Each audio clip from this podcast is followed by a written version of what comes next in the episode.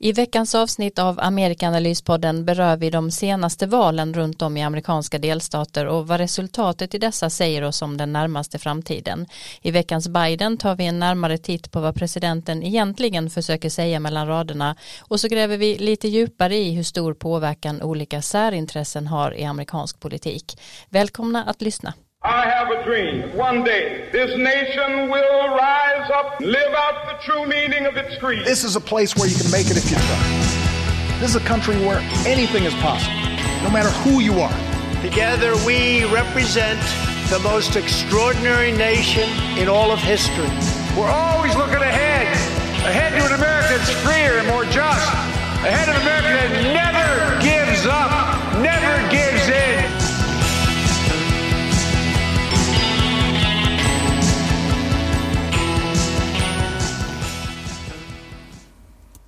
Ja, varmt välkomna till Amerikanalyspodden. För första gången faktiskt utan Karin Henriksson som är på en intressant men något hemlig researchresa.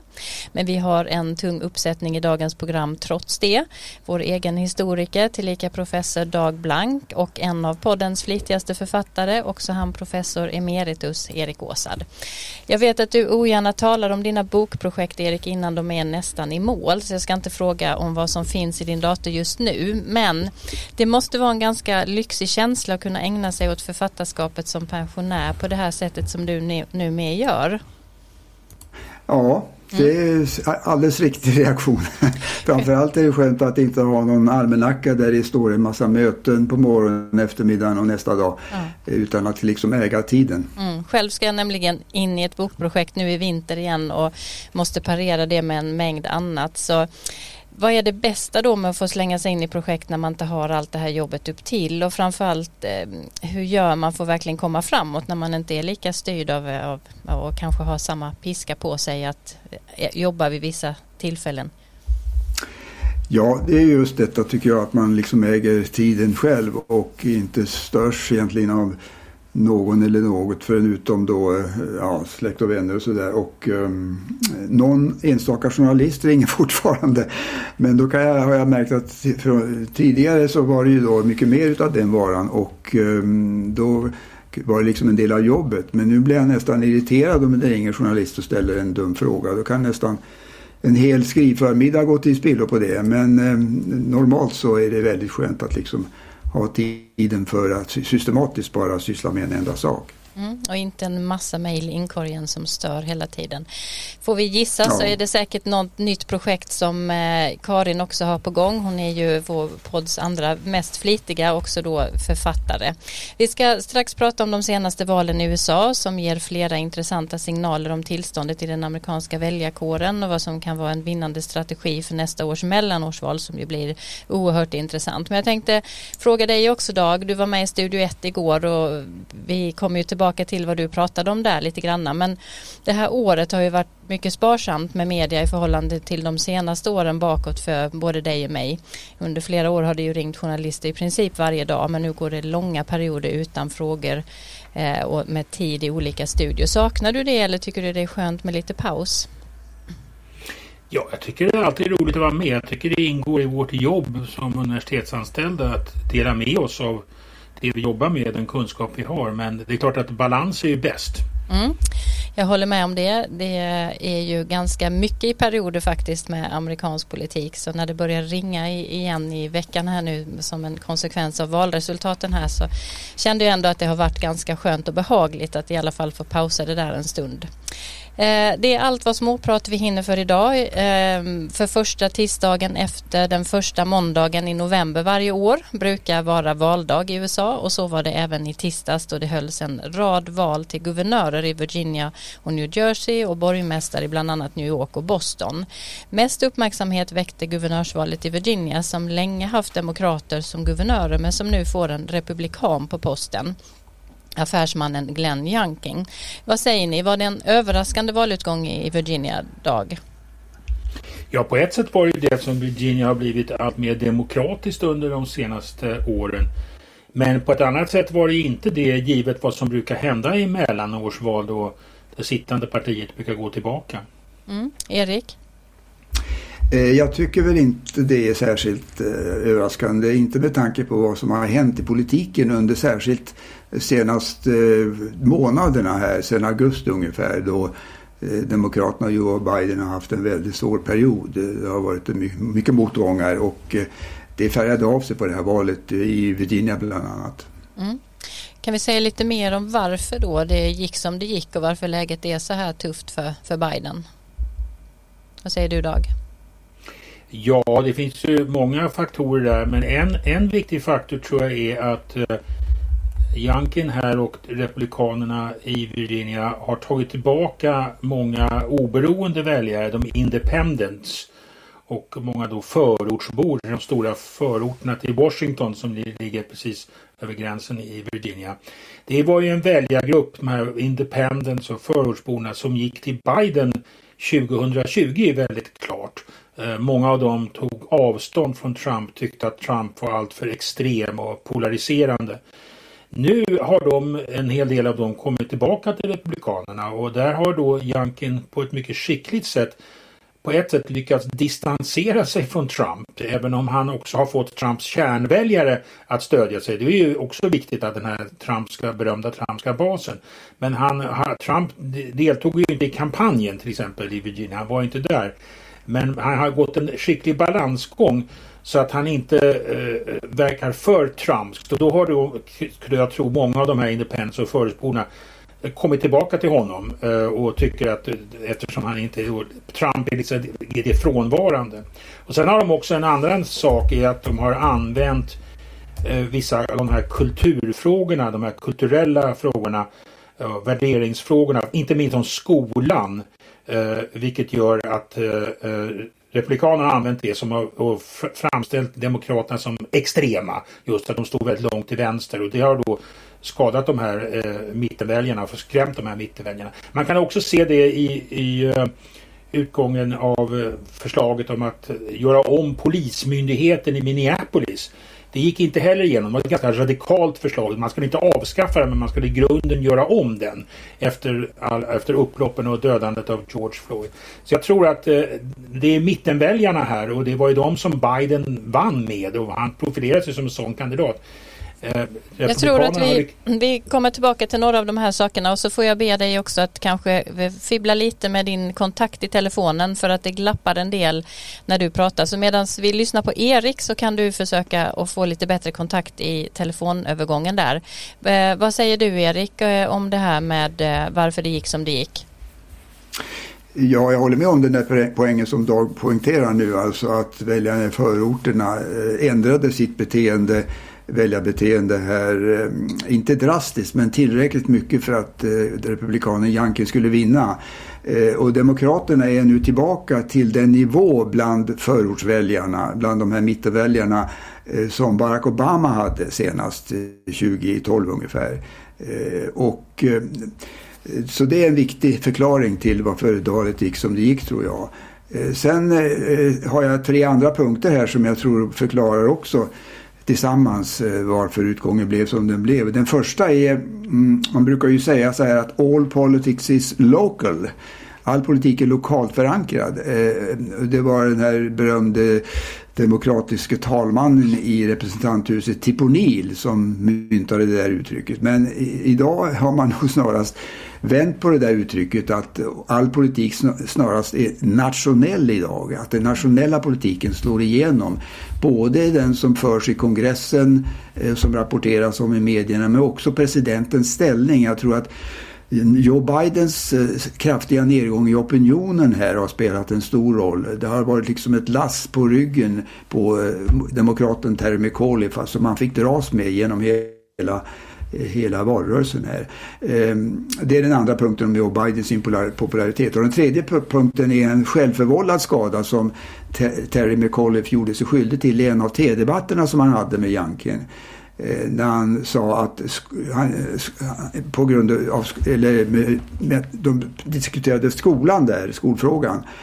Eh, och han sa så här, I don't think parents should be telling schools what they should teach. Alltså föräldrar ska inte vara inblandade egentligen i skolans undervisning. Och eh, det är något som går väldigt på tvärs med vad många amerikanska föräldrar oavsett partitillhörighet tycker. De tycker att de, föräldrarna ska vara aktiva i skolan, engagerade i skolan och till och med ha, tycker väl vissa extrema Eh, föräldrar att man ska ha, ja, lägga sig i litteratur och sånt där, vad barnen ska läsa. Men den där tabben som McAuliffe gjorde sig till skyldig till, den utnyttjades väldigt skickligt av Glenn Youngkin och det gjorde just att den här skolfrågan blev så stor i slutet av valrörelsen. Mm. Dag, eh, kan du utveckla det lite om den här skolfrågan som en viktig valvinnare, lite mer vad det gällde och varför det spelade så stor roll? Ja, det kom att handla om vad som ska undervisas i skolorna, som Erik säger. Inte minst om amerikansk historia, hur man ska framställa den amerikanska historien. Och som vanligt fästas man säga står rasfrågan i centrum i kampen om den amerikanska historien. Eh, på vilket sätt då? Vad är det som har hänt? Ja, allt sedan George Floyd dödades förra våren och de omfattande protesterna som följde på det har ju rasfrågan, rasrelationerna kommit i fokus igen. Och eh, en aspekt av den diskussionen har varit just hur man ska behandla detta ämne i skolorna.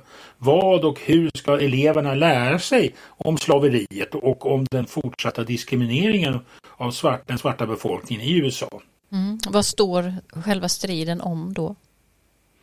Ja, det är hur man framställer det hela. De flesta amerikaner skulle nog hålla med om att slaveriet och diskrimineringen av svarta är en mycket mörk och problematisk del av den amerikanska historien som man måste ta till sig. Och det har, den insikten har ökat sedan George Floyd, ska jag säga. Den har fått ett bredare stöd bland många vita också. Åsikterna bland forskare går isär eh, vad gäller hur fundamental man anser rasfrågan är i amerikansk historia. Amerikanskt samhällsliv så att säga. För en del är den en oupplöslig del av hur USA skapades och är alltjämt en grundläggande struktur i hela landet. Att USA har den här rasdimensionen, en sorts rasism inbyggt, strukturell rasism som det talas om. Andra är mer optimistiska och menar att ja visst är det, det är väldigt stora problem men det har gjorts framsteg trots de stora problemen. Det finns andra faktorer också som förklarar den amerikanska utvecklingen. Ras är med andra ord inte det enda sättet att förstå USA. Så det står lite mot varandra där. Ras är viktigt men hur, hur viktigt och hur grundläggande är det för den amerikanska förståelsen? Så tror jag man kan förklara det. Mm. Tyvärr har vi fortsatt lite problem med ditt ljud men eh, ändå vi måste reda ut lite mer i detta. Varför blir debatterna så intensiva på möten med lokala skolstyrelser om det här? Ja, men det som Erik sa här, att det amerikanska utbildningssystemet är ju mycket decentraliserat och det ger makt till den lokala nivån. Det finns dessa skolbord som väljs av lokal nivå. Det är en poäng att det ska finnas en koppling mellan lokalsamhället och skolorna. Och där kan då grupper, olika grupper få stort inflytande över vad som undervisas och försöka påverka detta. Och i det här fallet har då Republikanerna tagit upp den här frågan och man menar då att Demokraterna ville införa opatriotiska läroplaner då, där USA svartmålas som en rasistisk stat och där de vita då framställs som skyldiga i den här kampen om hur man ska se på den amerikanska historien. Vi kan ju minnas hur Trump ville ha en mer patriotisk amerikansk historia när han höll sitt fjärde juli-tal framför Mount Rushmore. Det var de figurerna där, presidenterna i, i berget som han ville framhålla, inte slaveriet och rasismen. Nej, just det. Man hör i debatten om critical race theory och du talade ju just om detta i Studio 1 igår. Eh, men förklara för våra lyssnare vad det är. Ja, det är en Eh, vetenskaplig diskussion om rasrelationer i USA. Och den understryker just de här strukturella faktorerna. Att ras är någonting som inte är givet biologiskt utan det är konstruerat. Och att det är en integrerad, har blivit en integrerad del av det amerikanska samhället. Man kan liksom inte förstå det amerikanska samhället i grunden utan att ta in eh, den här konstruktionen av ras. Många republikanska delstater har förbjudit undervisning om CRT som det mera kallas, Critical Race Theory. Och just på grund av att det anses vara opatriotiskt och det anses vara alldeles för radikalt så att säga. Och eh, då eh, har det blivit en, trots att undervisning inte förekommer om critical race theory i de allmänna skolorna. Mm. Det har blivit en symbol för en radikal antiamerikansk agenda. Mm. Ehm, de här valen är ju viktiga värdemätare på hur opinionen ligger och vilket parti som går starkt inför nästa års mellanårsval som av flera anledningar är oerhört viktigt nästa år.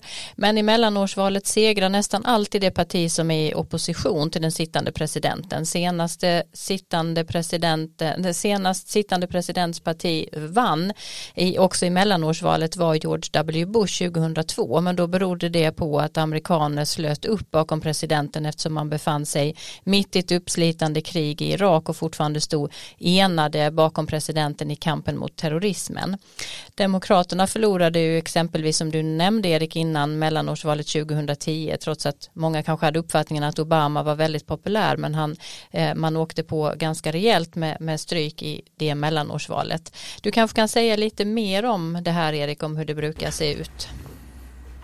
Ja, det stämmer det du säger här om mellanårsvalen. Eh, under det senaste dryga seklet, om man går så långt tillbaka i tiden, så har det bara hänt två gånger faktiskt att presidentens parti har gått fram i båda husen i ett kongressval. Och det var 1934 under den stora depressionen eh, när Franklin Roosevelt hade suttit två år. Då vann han, hans parti en stor fortsatt framgång då Eh, det året. Och sen 2002 som du nämnde här. Eh, och 1998 var faktiskt också ett sånt där avvikande år eh, på grund av en annan händelse. Ehm, det var då som Demokraterna vann några platser i representanthuset, inte i senaten faktiskt, men i huset. Och det var ju under Bill Clintons tid och Lewinsky-affären, om vi kommer ihåg den, pågick som mest. Och den, det blev en publik liksom backlash mot Republikanernas kraftiga offensiv i den frågan. Många republikaner tyckte att det var en privat sak som inte eh, skulle liksom göra någonting för bedömningen av hans eh, arbete som president. Men eh, ehm, det, här sammantaget innebär ju att, det, att Demokraterna har en mycket brant uppförsbacke inför, inför valet 2022 om ett, knappt ett år. Och det har visat sig tidigare att det är mycket svårt att vända en sån här negativ opinionsutveckling. Och nu säger ju alla att nu måste vi få igenom de här lagförslagen som ligger på kongressens bord och sen kanske det vänder. Och ja, det är möjligt att det gör det i ett korsperspektiv. Men eh, det beror ju på så många faktorer som vi idag inte känner till. Hur de kommer att Eh, hur det kommer att gå med dem. Ekonomin, pandemin, ehm, eh, andra inrikesfrågor som kommer upp på bordet, kanske en utrikespolitisk kris och så vidare. Så att eh, det återstår ju att se och det kommer vi tillbaka här i, i, i podden. Men hela den här frågan om eh, att det svänger så mycket då mellan valen. Det, mellanårsvalen framför allt, men även i presidentval. Det aktualiserar en eh, metafor som jag gillar när, det, när, man ska prata om amerikansk politik och det är den här metaforen med en pendel som rör sig mellan olika extremer. Då. Men, eh, för historiskt har det varit så, om vi går tillbaka till eh, sekelskiftet 1900, då inleddes en ny period, en sån här mer progressiv period kallar man det för, som varade ungefär i 20 år. Eh, då pendeln liksom var på den liberala sidan. Eh, och sen under 20-talet så svängde det i en mer konservativ riktning. Då kom liksom näringslivets intressen kom tillbaka och det blev stor tillväxt, det glada 20-talet, allt detta. Som varade fram till kraschen då, börskraschen 1929 ungefär. Eh, då, den stora depressionen. Då kom kraven på att samhället och staten måste ta ett större ansvar, kom tillbaka. Och eh, Roosevelt kom till makten och Demokraterna hade ju då makten ända fram till 1954 tror jag de hade makt i, i kongressen och ehm, eh, eh, till, till 1952 satt de ju som president, i presidenthuset, eh, eh, Vita huset. Eh, Truman eh, vann ju omval till och med efter att eh, eh, Roosevelt hade gått bort. och sen 50-talet var en sån här backlash-period också. Va? Då kom de konservativa tillbaka. Vi vi hade McCarthyismen och sådär. Och sen 60-talet vet vi att det var mer blandat i början men sen blev det ju en väldigt radikal period. Så att och fram till idag har det fortsatt på det sättet att pendeln sväller, svänger. Eh, det som är intressant tycker jag det är att perioden som pendeln varar, alltså pendelperioden om man ska säga, blir mindre och mindre. Va? Alltså för hundra år sedan kunde en sån där period vara i 20-30 år nästan. Va? Eh, men när vi kommer fram till 70 80-talen så minskar den där perioden och pendeln svänger tillbaka tidigare. Och senast tycker jag man kan säga att nu varar en sån här period, en progressiv period kontra en mer konservativ period, bara kanske ett eller två år. Eh, vi kommer ihåg att eh, när Trump valdes 2016 så satt han ju två år, men då förlorade de ju kongressen sen 2018. Eh, och nu har Joe Biden suttit i bara ett år och det, det verkar vara som nu kommer en reaktion emot Demokraternas offensiver. Så att jag tror den här pendeln förklarar eh, ganska mycket eh, när det gäller just de här svängningarna i politiken. Mm. Det är jätteintressant. Jag tänkte också på det under tiden du berättade just den här eller historiska tillbakablicken att just pendeln går väldigt mycket fortare idag och det har säkert väldigt ja. många förklaringar. Men en sak som jag också tänkte på var när du pratade om den här negativa opinionsutvecklingen som är svår att vända så här ett år före att det är ju faktiskt också så att även när det presidenten och det liksom sittande partiet så att säga har eh, lett ett år före valet till och med ganska betydande så så har man ändå förlorat mellanårsvalet eh, ett år senare. Eh, så därför gör ju det här, den här situationen för Biden och Demokraterna eh, situationen ännu mer eh, allvarlig. Ja. Ehm, men vi lämnar detta och så går vi över till det vi brukar kalla för eh, veckans Biden. Karin är ju inte med oss idag men veckans Biden kan vi inte vara utan för det. Joe Biden har trätt fram offentligt flera gånger de senaste dagarna. Det är inte så konstigt med tanke på att han har befunnit sig i Rom och Glasgow på G20-mötet och klimattoppmötet. Han har ansträngt sig för att tona ner spekulationerna om hur det ska gå i förhandlingarna med kongressen och vifta bort bort sina egna sviktande popularitetssiffror med att sånt går upp och ner. Och trots att klimatsatsningarna inte klubbats än så försöker han framställa USA som ledande i omställningen till förnybar energi. Vi ska lyssna lite på hur det lät i Glasgow. To recognize that a better, more hopeful future of every nation has to do its part with ambitious targets to keep 1.5 degrees in reach and specific plans of how to get there, especially the major economies. It's imperative that we support developing nations so they can be our partners in this effort. Right now, we're still falling short.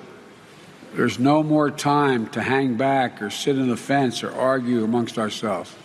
This is the challenge of our collective lifetimes, the existential threat, threat to human existence as we know it.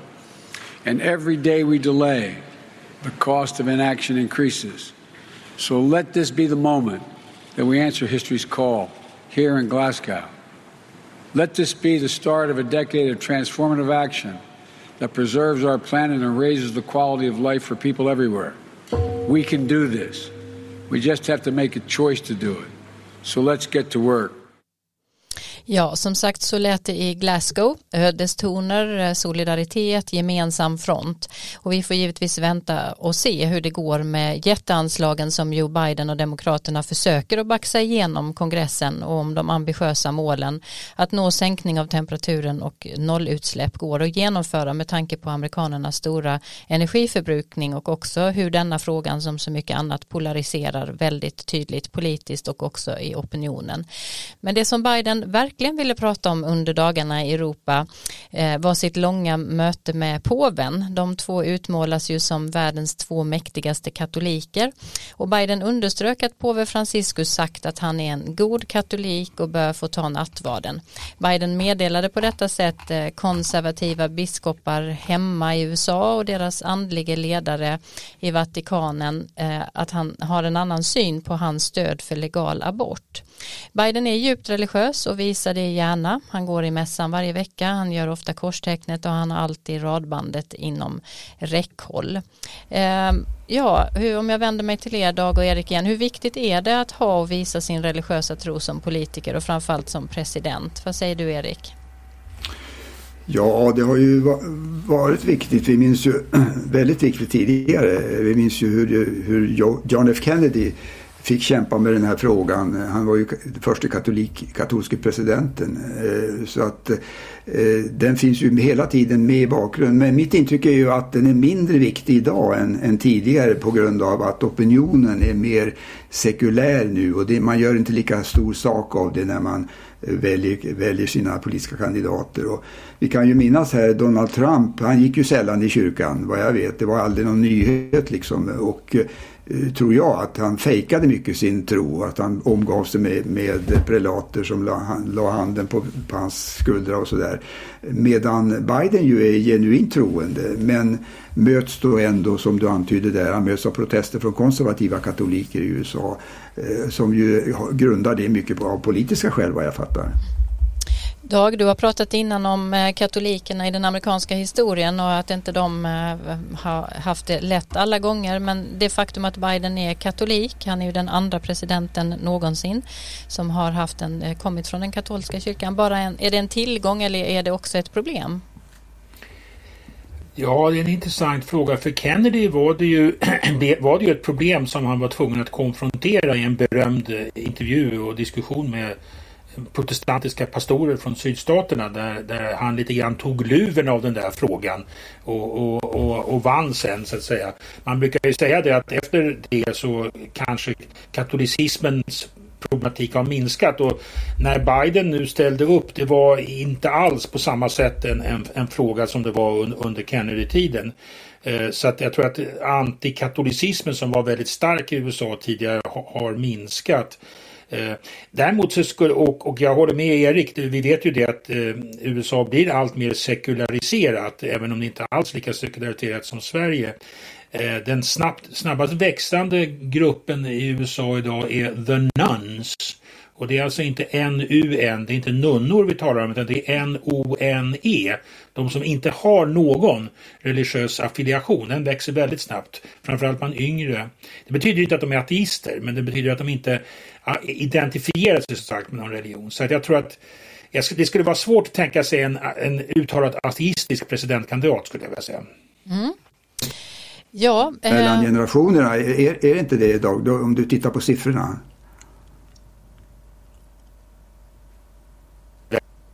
Och det är möjligt att när de här generationsväxlingarna kommer att man kan få den första icke-troende presidentkandidaten. Jag vet inte. De, svärs, de ska ju svära in sig på Bibeln av tradition så det har nog ingen som har avstått från att göra det ännu tror jag. Nej, vem vet i praktiken var kanske Trump egentligen eh, en av dem eller den första icke-troende även om han inte eh, sa sig vara det när han väl kom till makten. Eh, vi lämnar veckans Biden tänker jag och går istället in på veckans eh, tema och fördjupning om intressegrupper och deras politiska eh, inflytande i USA. Till vardags hör vi mest talas om politiken i Washington och kampen i kongressen mellan demokrater och republikaner men om man breddar perspektivet till de organiserade intressegrupperna så får man en mer heltäckande bild av hur den amerikanska politiken fungerar i praktiken. Frågan om intressegruppernas roll och inflytande har diskuterats länge, Erik. Hur har synen på dem varierat genom åren? Ja, den har verkligen diskuterats länge. Man kan gå tillbaka till grundlagsfäderna där och se att det var redan där en fråga som togs upp eh, bland annat utav James Madison, en av de här fäderna eller grundarna. Och eh, han var mycket kritisk till eh, eh, vad han kallar för factions, alltså grupper av människor som kanske skulle göra sig väldigt eh, inflytelserika i politiken det tyckte man inte om då och kritiserade. Eh, men det har funnits två dominerande perspektiv om man ser det över tid här.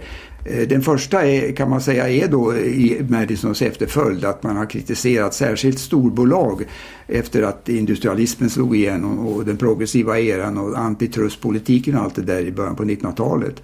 Eh, så var det ett, ett, en, en, en våg av kritik kritiken mot storföretag och rika personers inflytande i politiken. Man tyckte att de inte bara eh, tog för sig så att säga och fick förmåner på andras bekostnad utan också att eh, Eh, man gjorde själva regeringen, regerandet svårare va? Genom att, att ställa alla dessa krav och eh, göra det svårt för de valda ledamöterna att själv vara självständiga genom att man gav dem så mycket pengar i donationer helt enkelt.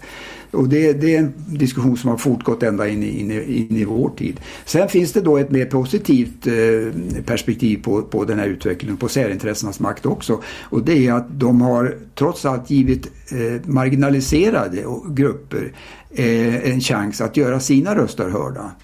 Så att det är inte bara så menar den här andra sidan att de stora, rika, mäktiga eh, grupperna, storbolag, miljardärer och andra, det är inte bara de som kan göra sig hörda utan det här är också en, ett sätt för oss de mindre bemedlade, kanske minoritetsgrupper, att få upp våra eh, frågor på agendan.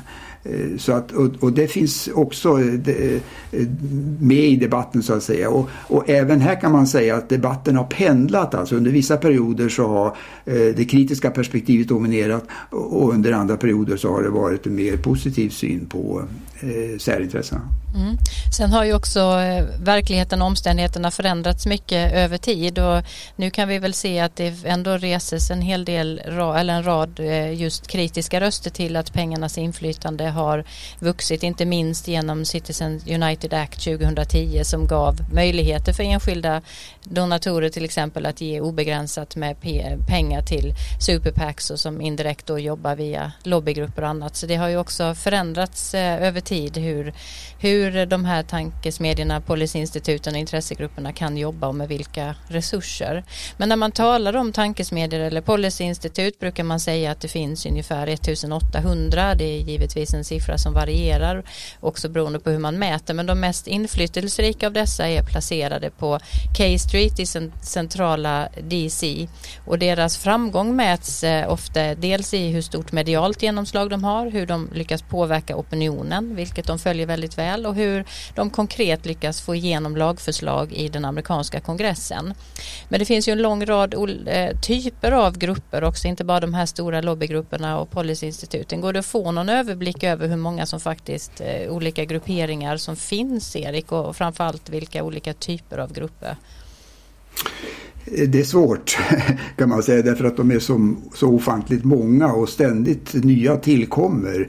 Eh, och den intresserade kan ju googla eh, till exempel Interest Groups USA och kolla hur många det är. Det är en för, förskräcklig många, många som dyker upp där på, på på datorn. Eh, och faktum är att statsvetarna de tycker det är ett väldigt intressant forskningsområde men de har haft svårt att bringa reda i den här enorma mångfalden. Det finns inte liksom en typologi, en inräknings eller beräkningsgrund som, som kan täcka in alla. Eh, men den vanligaste indelningen det är väl i tre olika grupper då. Dels ekonomiska grupper, eh, professionella yrkesgrupper och så kallade promotional groups eller eh, sådana som liksom gör PR för sin egen egna, den egna saken så att säga. Eh, och viktigast i de här, den här ekonomiska gruppen, om vi tar den först då, det är ju organisationerna för arbetsgivarsidan, alltså till exempel US Chamber of Commerce eh, som går tillbaka långt i tiden och sen finns det en eh, samlingsorganisation för företagare som heter National Association of Manufacturers. Sen på löntagarsidan har vi ju då den största organisationen är AFL-CIO. Eh, som, de slog ihop sina påsar, de var konkurrerande tidigare men 1955 gick de ihop och blev då ganska starka. Och eh, på den tiden så var den fackliga organisationsgraden i USA väldigt hög. Den var någonstans uppåt 40 procent eller sånt där. Ehm, och sen har ju vad som har skett sen dess är att organisationsgraden har gått ner väldigt kraftigt. Och Eh, eh, sen dess. Och nu är den, ligger den under 11 procent totalt. Och tittar man bara på anställda i privat sektor så ligger den ännu, ännu lägre. Eh, sen kan man nämna här att jag såg att AFL-CIO har fått en ny president i augusti faktiskt. Hon heter Liz Schuler. S-H-U-L-E-R och hon är bemärkt genom att hon är den första kvinnan på den posten. Det har varit bara män tidigare. Sen är en annan viktig påtryckargrupp eh, som har räknat till de ekonomiska grupperna också eh, bönderna naturligtvis eh, som har flera organisationer, bland annat en som heter National Farmers Union. Sen vad gäller den andra kategorin då, så har nästan alla yrkesgrupper en egen organisation. Det gäller till exempel juristerna, de har ju en mycket viktig grupp som heter American Bar Association. Läkarna är också inflytelserika American Medical Association, de har stort inflytande båda de där grupperna Ehm, i sina hjärtefrågor. Och exempel på det är ju att när det gäller nominering av federala domare och så, så spelar den här American Bar Association fortfarande en viktig roll. Dock faktiskt lite mindre än tidigare. Jag tror det var George Bush Junior som, som slutade att följa deras eh, rekommendationer eh, automatiskt. Eh, sen kan man också nämna lobbyingen i samband med sjuk och hälsovårds frågan. Eh, där var till exempel American Medical Association mycket aktiv eh, och faktiskt stödde de, såg jag, Obamacare när den var som mest omdiskuterad då eh, under Obama. Eh, men tidigare så var de eh, emot stora reformerna inom sjukvårdsområdet, till exempel Medicare och Medicaid var de emot på 60-talet. Sen den tredje eh, kategorin bara snabbt här så eh, där finns det ju massor utav olika grupper som spänner över hela det politiska fältet då Eh, och som gör PR och bedriver lobbying i en enskild sakfråga oftast. Till exempel vapenlobbyn NRA som vi har tagit upp tidigare här i lobbyn. Vi har den, de svartas organisation NAACP som är en av de äldsta intresseorganisationerna eller medlemsorganisationerna i hela landet. Vi har American Civil Liberties Union som sysslar mycket med rättighets och medborgarrättsfrågor. Vi har Planned Parenthood eh, som har rådgivning om sex och samlevnad och preventivmedel och aborter. Ständigt omdiskuterad. Och sen har vi American Conservative Union som ordnar de här årliga så kallade CPAC-konferenserna som de ledande politikerna, de konservativa, kommer till. Mm, det är minst sagt en lång rad olika organisationer och grupperingar och intressen här. Den nationella politiken avgörs ju i kongressen i Washington men där är det tydligt att lobbygrupperna har fått ett allt större inflytande över tid. Från början när de här eh, så kallade think tanks, tankesmedjorna grundades så handlade det om att olika intressen och framförallt både från akademin och näringslivet skulle hjälpa politiker att tänka kring olika frågor och mycket handlade ju om informella kontaktvägar vägar och, och, samtal. Men det har ju blivit allt mer eh, professionaliserat och som vi också har nämnt allt, mycket, allt mer pengar inblandade i detta.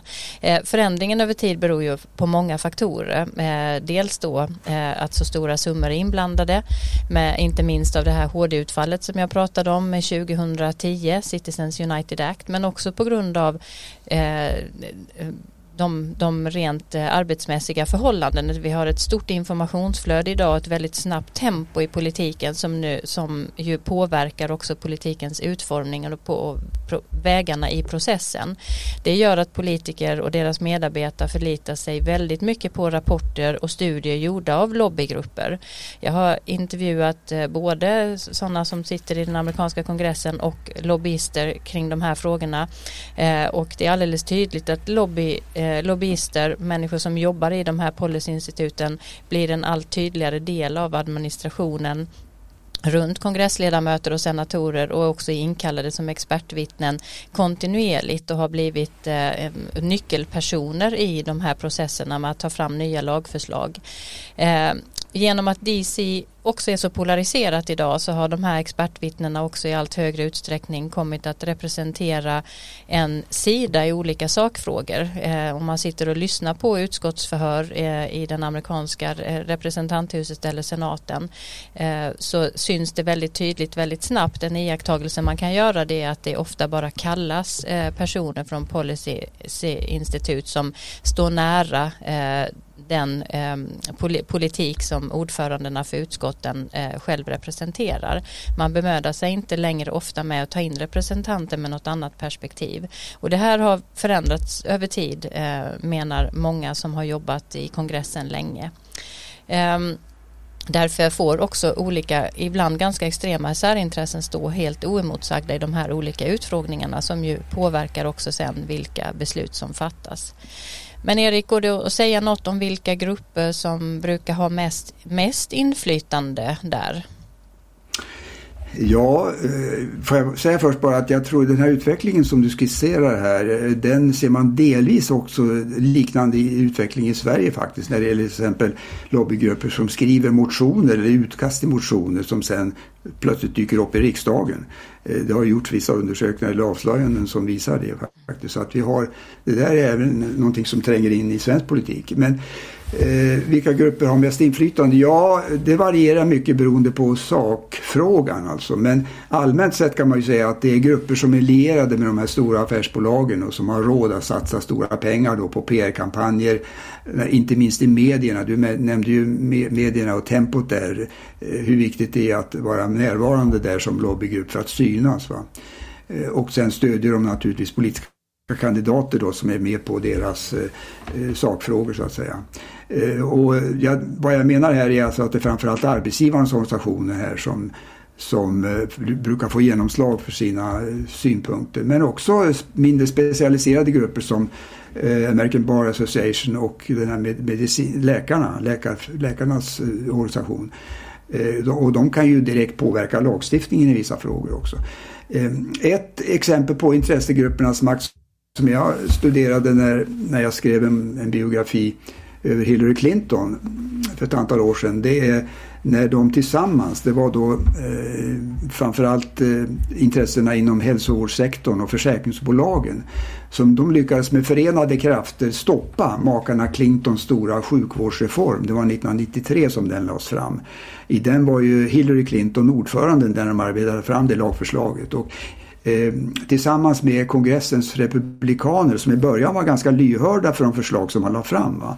Eh, men sen drog det ut på tiden Eh, och den här, anti eh, den här lobbykampanjen emot lagförslaget kom igång, inte minst i medierna. Och det gjorde att det till slut blev, så skiftade faktiskt den allmänna opinionen som också hade varit positiv till det här sjukvårdsförslaget i början. Den skiftade så att den blev mer negativ och då la man helt enkelt det här förslaget på, på hyllan och det blev inget av det. Det var ett mycket framgångsrikt lobbyarbete som bedrevs av de direkt Eh, inblandade organisationerna här. Mm.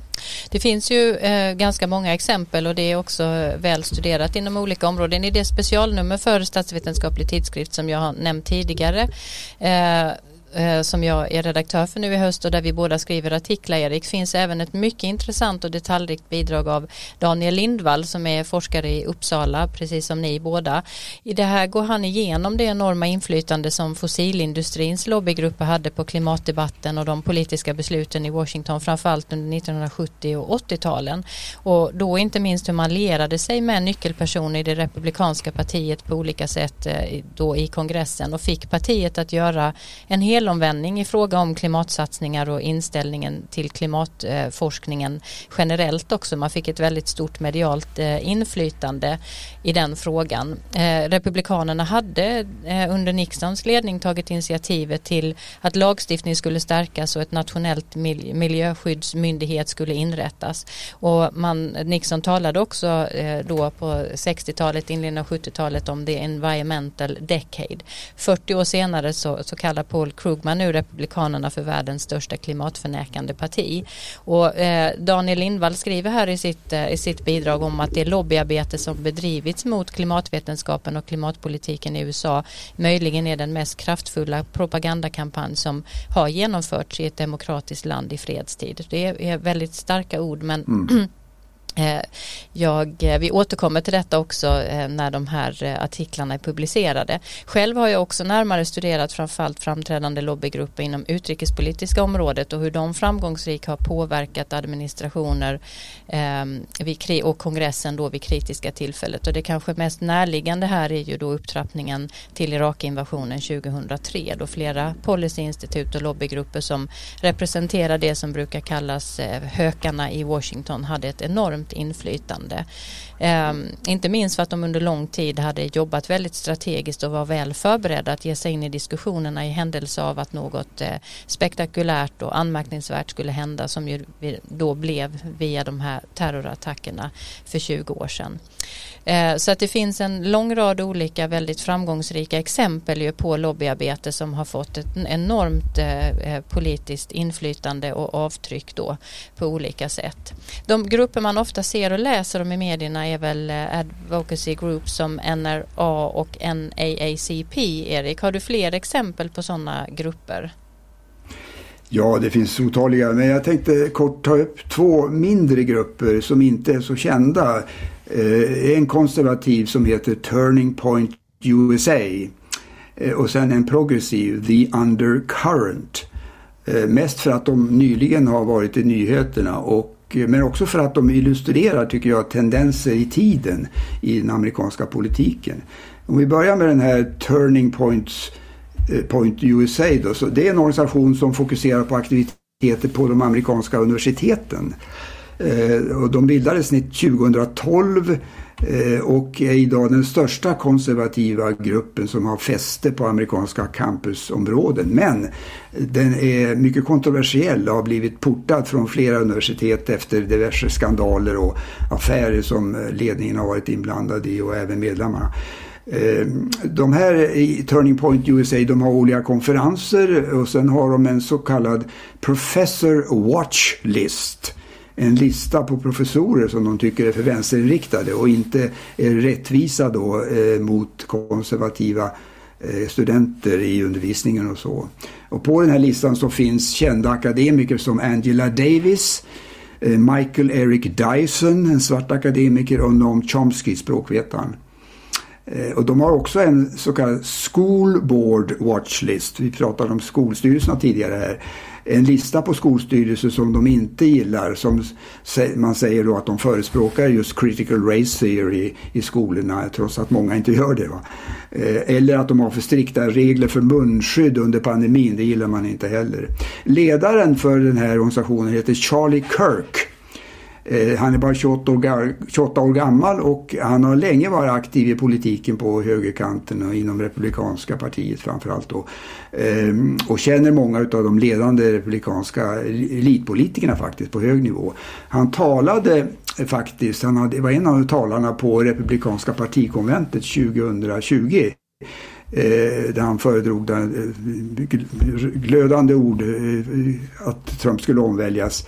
Eh, och många av partiets toppar har talat, alltså republikanska partiets toppar har talats på, på den här organisationens möten, inklusive Donald Trump själv. Eh, efter valet, eh, presidentvalet senast så förnekade den här Kirk att Trump hade förlorat. Han gick liksom på Trumps egen linje där. Och den 6 januari såg jag så deltog han eh, i, och, och, några hundra medlemmar från den här organisationen i rallyt där framför Eh, i närheten av Kapitolium och flera av dem bröt sig in i Kapitoliumbyggnaden faktiskt. Eh, de stöds ekonomiskt av olika bolag och eh, rika privatpersoner och de har länge haft problem med att några i ledningen och flera aktivister då uttrycker sig fördomsfullt mot minoriteter och att de har haft kopplingar till extremistorganisationer och så. Och vi ska höra ett exempel på nu Eh, vad som sades på en av deras offentliga möten nyligen. Där en i publiken ställer en laddad fråga till eh, eh ordföranden här då, Charlie, Charlie Kirk, som han sen svarar på. Vi kan lyssna på det. But I want to ask you something a little bit out of the ordinary. So, prepare yourself. At this point, we're living under corporate and medical fascism. This is tyranny.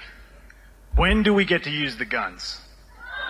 No, and I'm, and, I, and I'm not, that's not a joke. I'm not saying it like that. I mean, literally, where's the line? How many elections are they going to steal before we kill these people? So, no, I, I, I no, hold on. I, am no, stop. Hold on. Now, I'm going to denounce that. I'm going to tell you why. Because you're playing into all their plans, and they're trying to make you do this. That's okay. Just hear me out. You started with a compliment, so at least give me a little bit. they are trying to provoke you and everyone here.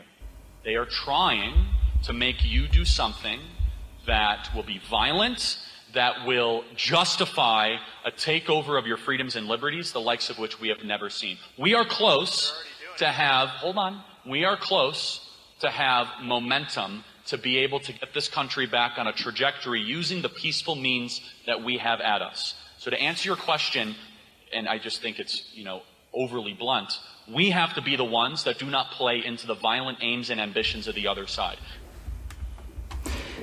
Ja, eh, mitt hjärta bankar lite när jag hör det här igen för jag tyckte det var så oerhört grovt som man inte har hört egentligen. Och det här är ju, tänk på, det här tv-sändes och han står och säger så här, alltså frågaren frågar när får vi använda vapnen? Och då säger han the guns, säger, menar han då, mot motståndarna helt enkelt. Och det intressanta tycker jag är även svaret som ordförande ger då. Han säger, först så fördömer han det hela, men det går väldigt fort. Va? Sen säger han ett taktiskt argument. Att om vi uttrycker oss på det här sättet så kommer motståndarna att kunna använda det emot oss, säger han. Mm. Och det är nästan den taktiska aspekten om man lyssnar på hela det där bandet som är den dominerande i hans svar. Och eh, jag tror ju så här att den här typen av förgrovat språk, eh, egentligen hatfyllt språk, Ehm, det har alltid funnits, kanske i alla samhällen och i, i amerikanska samhället också. Men det har aldrig uttryckts på det här öppna sättet. När man vet att omvärlden lyssnar eh, så, så, så står han och säger sådana här saker. Va? Och det, det, ja, man kan inte tror jag underskatta Donald Trumps egen roll i detta att, att, grovet, att, att han har förgrovat språket själv och liksom gjort det acceptabelt för anhängarna att gå i hans fotspår på något sätt. Men jag vill gärna höra hur ni, vad är er spontana reaktion på detta? Säger du Dag? Ja, det är oerhört att höra sådana uttalanden. Jag håller med Erik. Eh, det här, det här är det har funnits i Amerika, en amerikansk linje. Sådär. Men det har tidigare varit en stark undervegetation av, mm. av sådana här konspirationsteorier och våldsamheter som alltid har funnits närvarande i, i amerikansk historia. Och kanske har synts mer eller mindre eh, öppet under den amerikanska historien. Men det är ovanligt att det är så här öppet och att det är så här på, nu får det ju sånt genomslag också med den nya mediasituationen. Så det, det, jag blir lite chockad av det också.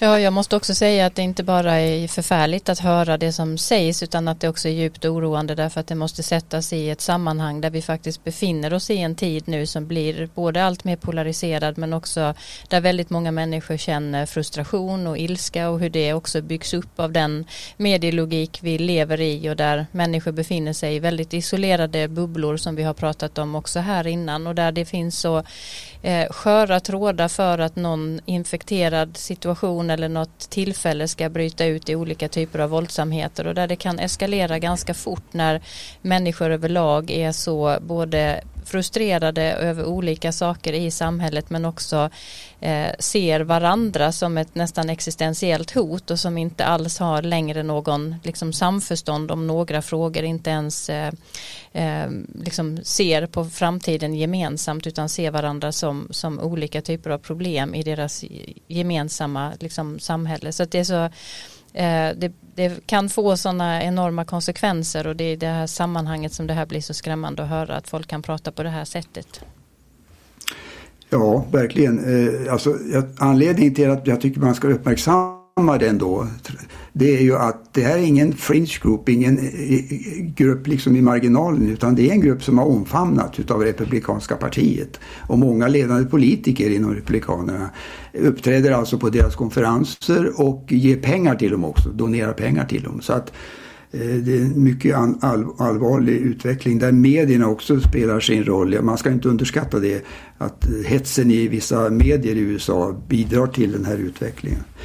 Jag vet, om jag bara får lägga till, ja. ja. jag ska bara lägga till för, för att jag, jag tänker att även om det finns, vilar ett stort ansvar på Donald Trump som ju genom sin tid i Vita huset verkligen eh, eh, hela tiden liksom, eh, trappade upp tonläget och, och, har en stor del i detta så är det ju också samtidigt djupt anmärkningsvärt och bedrövligt att så många människor eh, liksom har eh, sett detta, hört detta och, och, fortsätter på den linjen och där finns ju givetvis ett, ett ansvar som vilar tungt på alla politiska profiler i det republikanska partiet som inte sätter ner foten och sätter stopp för detta. Ja, så är det. Eh, ska vi ta den andra eh, exemplet här då på en sån här advocacy group. Det är en lite helt annorlunda eh, grupp eller organisation organisation, man ska säga. Kallas alltså för The Undercurrent och är egentligen en webbaserad eh, show kan man säga på Youtube som eh, har en huvudperson. Hon heter eh, Lauren Windsor. Eh, samma efternamn som brittiska kungahuset faktiskt, fast jag tror inte det finns någon relation där. Eh, och hon eh, har då länge varit verksam inom Demokratiska partiet på vänsterflygeln där och hon beskriver sig på sin hemsida som agnostiker, romantiker och progressiv pugilist. Boxar alltså.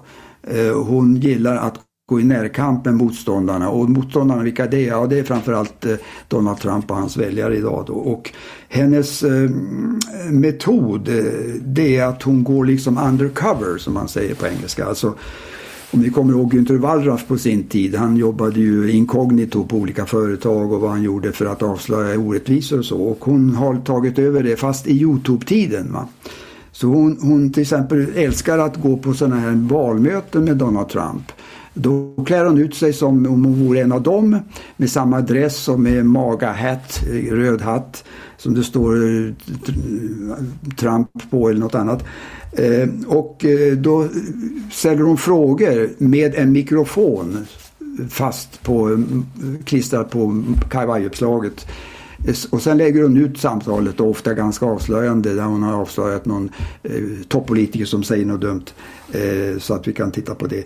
Eh, och det där kan man ju ha meningar om själva metoden, men ibland kommer det ju verkligt intressanta eh, avslöjanden. Och nu ska vi lyssna på ett kort ljudinslag här som är väldigt dåligt. Eh, så att jag måste berätta om det i efterhand. Men det är alltså, hon möter en senator på ett valmöte i Wisconsin. Och det är senatorn Ron Johnson som är republikan och en av Donald Trumps all, allra starkaste högröstade anhängare som har gått med honom nu eh, när han har sagt att valet är fejkat och att eh, Demokraterna har valfuskat och sådär.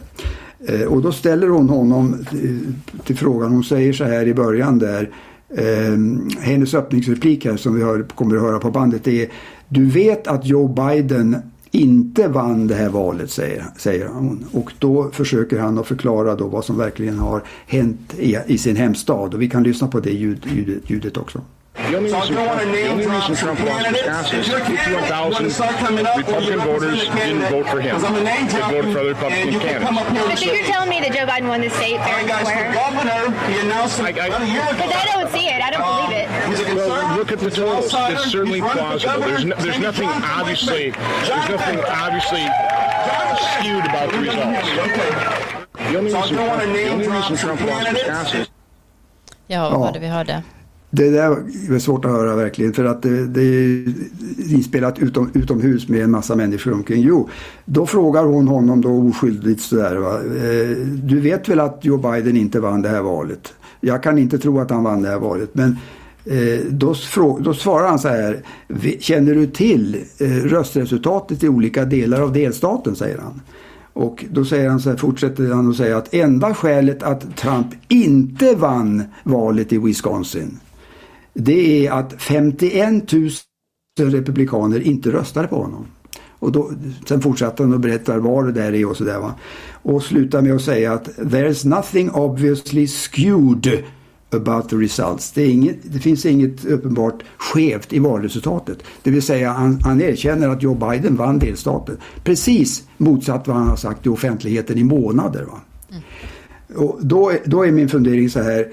Eh, Eh, det, det, är värre än vad vi egentligen tror. Va? Det, är, det är värre än bara detta att, att, han, att Donald Trump har grepp över sina, eh, sina valda eh, representanter i kongressen. De talar mot bättre vetande. Va? Det, det är ju det man, man, måste, man måste ju inse detta. Och det, det är egentligen så, så, så hy, hyckleriet upphört liksom till högsta nivå här. Och eh, eh ja, jag vet inte vad man ska säga mer än så men, men eh, det, varför har det blivit så? Ja, det kan man ju diskutera. Va? Men, men jag tror ju att merparten utav eh, senatorerna och kongressledamöterna har precis samma åsikt. De vet ju vem som vann det här valet. Va? Där, varför det? Jo, därför att de var ju på samma valsedel, de som omvaldes nu. Och de känner ju till, precis som den här Ron Johnson, eh, de, om, om de finns något som de är professionella på så är det det egna valet, de ena valkretsarna, den delstat där de ställer upp till val år efter år efter år. De kan, Johnson här, han kan ju varenda valkrets i stort. De har besökt alla valkretsarna. De vet precis hur många som brukar stödja respektive sida. Och ändå går de ut och hycklar i offentligheten att Trump har rätt när han säger att det är valfusk. Ja, det som du säger det tar hyckleriet till helt nya nivåer. Nu ska vi också berätta Dag, jag vet inte om du har någon kommentar till detta nu också eh, direkt så här men vi har ju inte hört de här klippen innan du spelade, vi spelade upp dem nu i podden eh, och eh, jag kan egentligen inte tillägga någonting mer än det du själv säger Erik att det är ju häpnadsväckande på så många sätt och det blir ju också ännu svårare att se hur vi ska komma tillbaka till en hederlighet eller hur man i amerikansk politik ska komma tillbaka till en hederlighet och en, en eh, traditionellt sätt att finnas i politiken och, och, driva politiska kampanjer. Vad säger du Dag om det här? Ja, ja, det är svårt att tillägga någonting till vad ni har sagt men det visar ju på de problem som finns för att försöka hitta någon plats i mitten mellan de olika extremerna. Det är det som Biden gick till val på och man trodde då att han skulle försöka kunna klara av och det visar ju hur svårt det har varit så att mm. den eh, mitten den har ju varit under attack länge och kanske helt försvunnit nu, vem vet? Nej, och framförallt hederligheten tänker jag. Man kan stå på olika sidor politiskt och ha väldigt olika åsikter om hur samhället ska organiseras och vilka frågor som ska prioriteras. Men eh, det är någonting helt annat eh, det som de här olika delarna speglar. Eh, hörni, tiden rusar. Vi har redan hållit på den timme vi brukar göra. Jag tänker att vi avslutar och låter bara dig Dag nu säga någonting om en bortglömd nyhet. Eh, eh, innan vi säger tack för idag. Har du någonting som eh, har försvunnit i nyhetsflödet som du tycker är värt att uppmärksamma? Ja, det, covid-situationen är fortfarande väldigt aktuell i USA och jag såg just idag att nu så kommer eh, från Biden eh, regler som säger att anställda för privata företag med över 100 anställda måste vara vaccinerade sedan senast den 4 januari. Tidigare har ju den, han kunnat göra de federala anställda tvinga de federala anställda att vaccinera sig mot, mot covid och det är ju en, en viktig faktor för att begränsa pandemin men det är ju väldigt kontroversiellt det här med vaccinkrav. Och där kan man ju notera, där går ju Sverige längre än USA. Vi eh, har ju en diskussion om vaccinkrav här men det verkar ju vara väldigt svårt att kunna ställa sådana krav i Sverige. Men i USA gör man det nu både inom för federala anställda och för privatanställda. Men det blir mycket, mycket protester förstås. Mm. Tack för det. Um, och varmt tack för oerhört intressanta samtal idag. Dag Blank, eh, Erik Åsad, alla som är intresserade av amerikansk politik skulle ha er i byrålådan. Det ni inte vet är inte värt att veta. Tack Johan Lindström för ljudillustrationer och tack till er lyssnare som hänger med oss varje vecka. Vi hörs igen om ni vill om 14 dagar tills dess njut av höstrusket med en god bok eller något. Var rädda om er. I have a dream. One day, this nation will rise up, live out the true meaning of its creed. This is a place where you can make it if you try. This is a country where anything is possible, no matter who you are. Together, we represent the most extraordinary nation in all of history.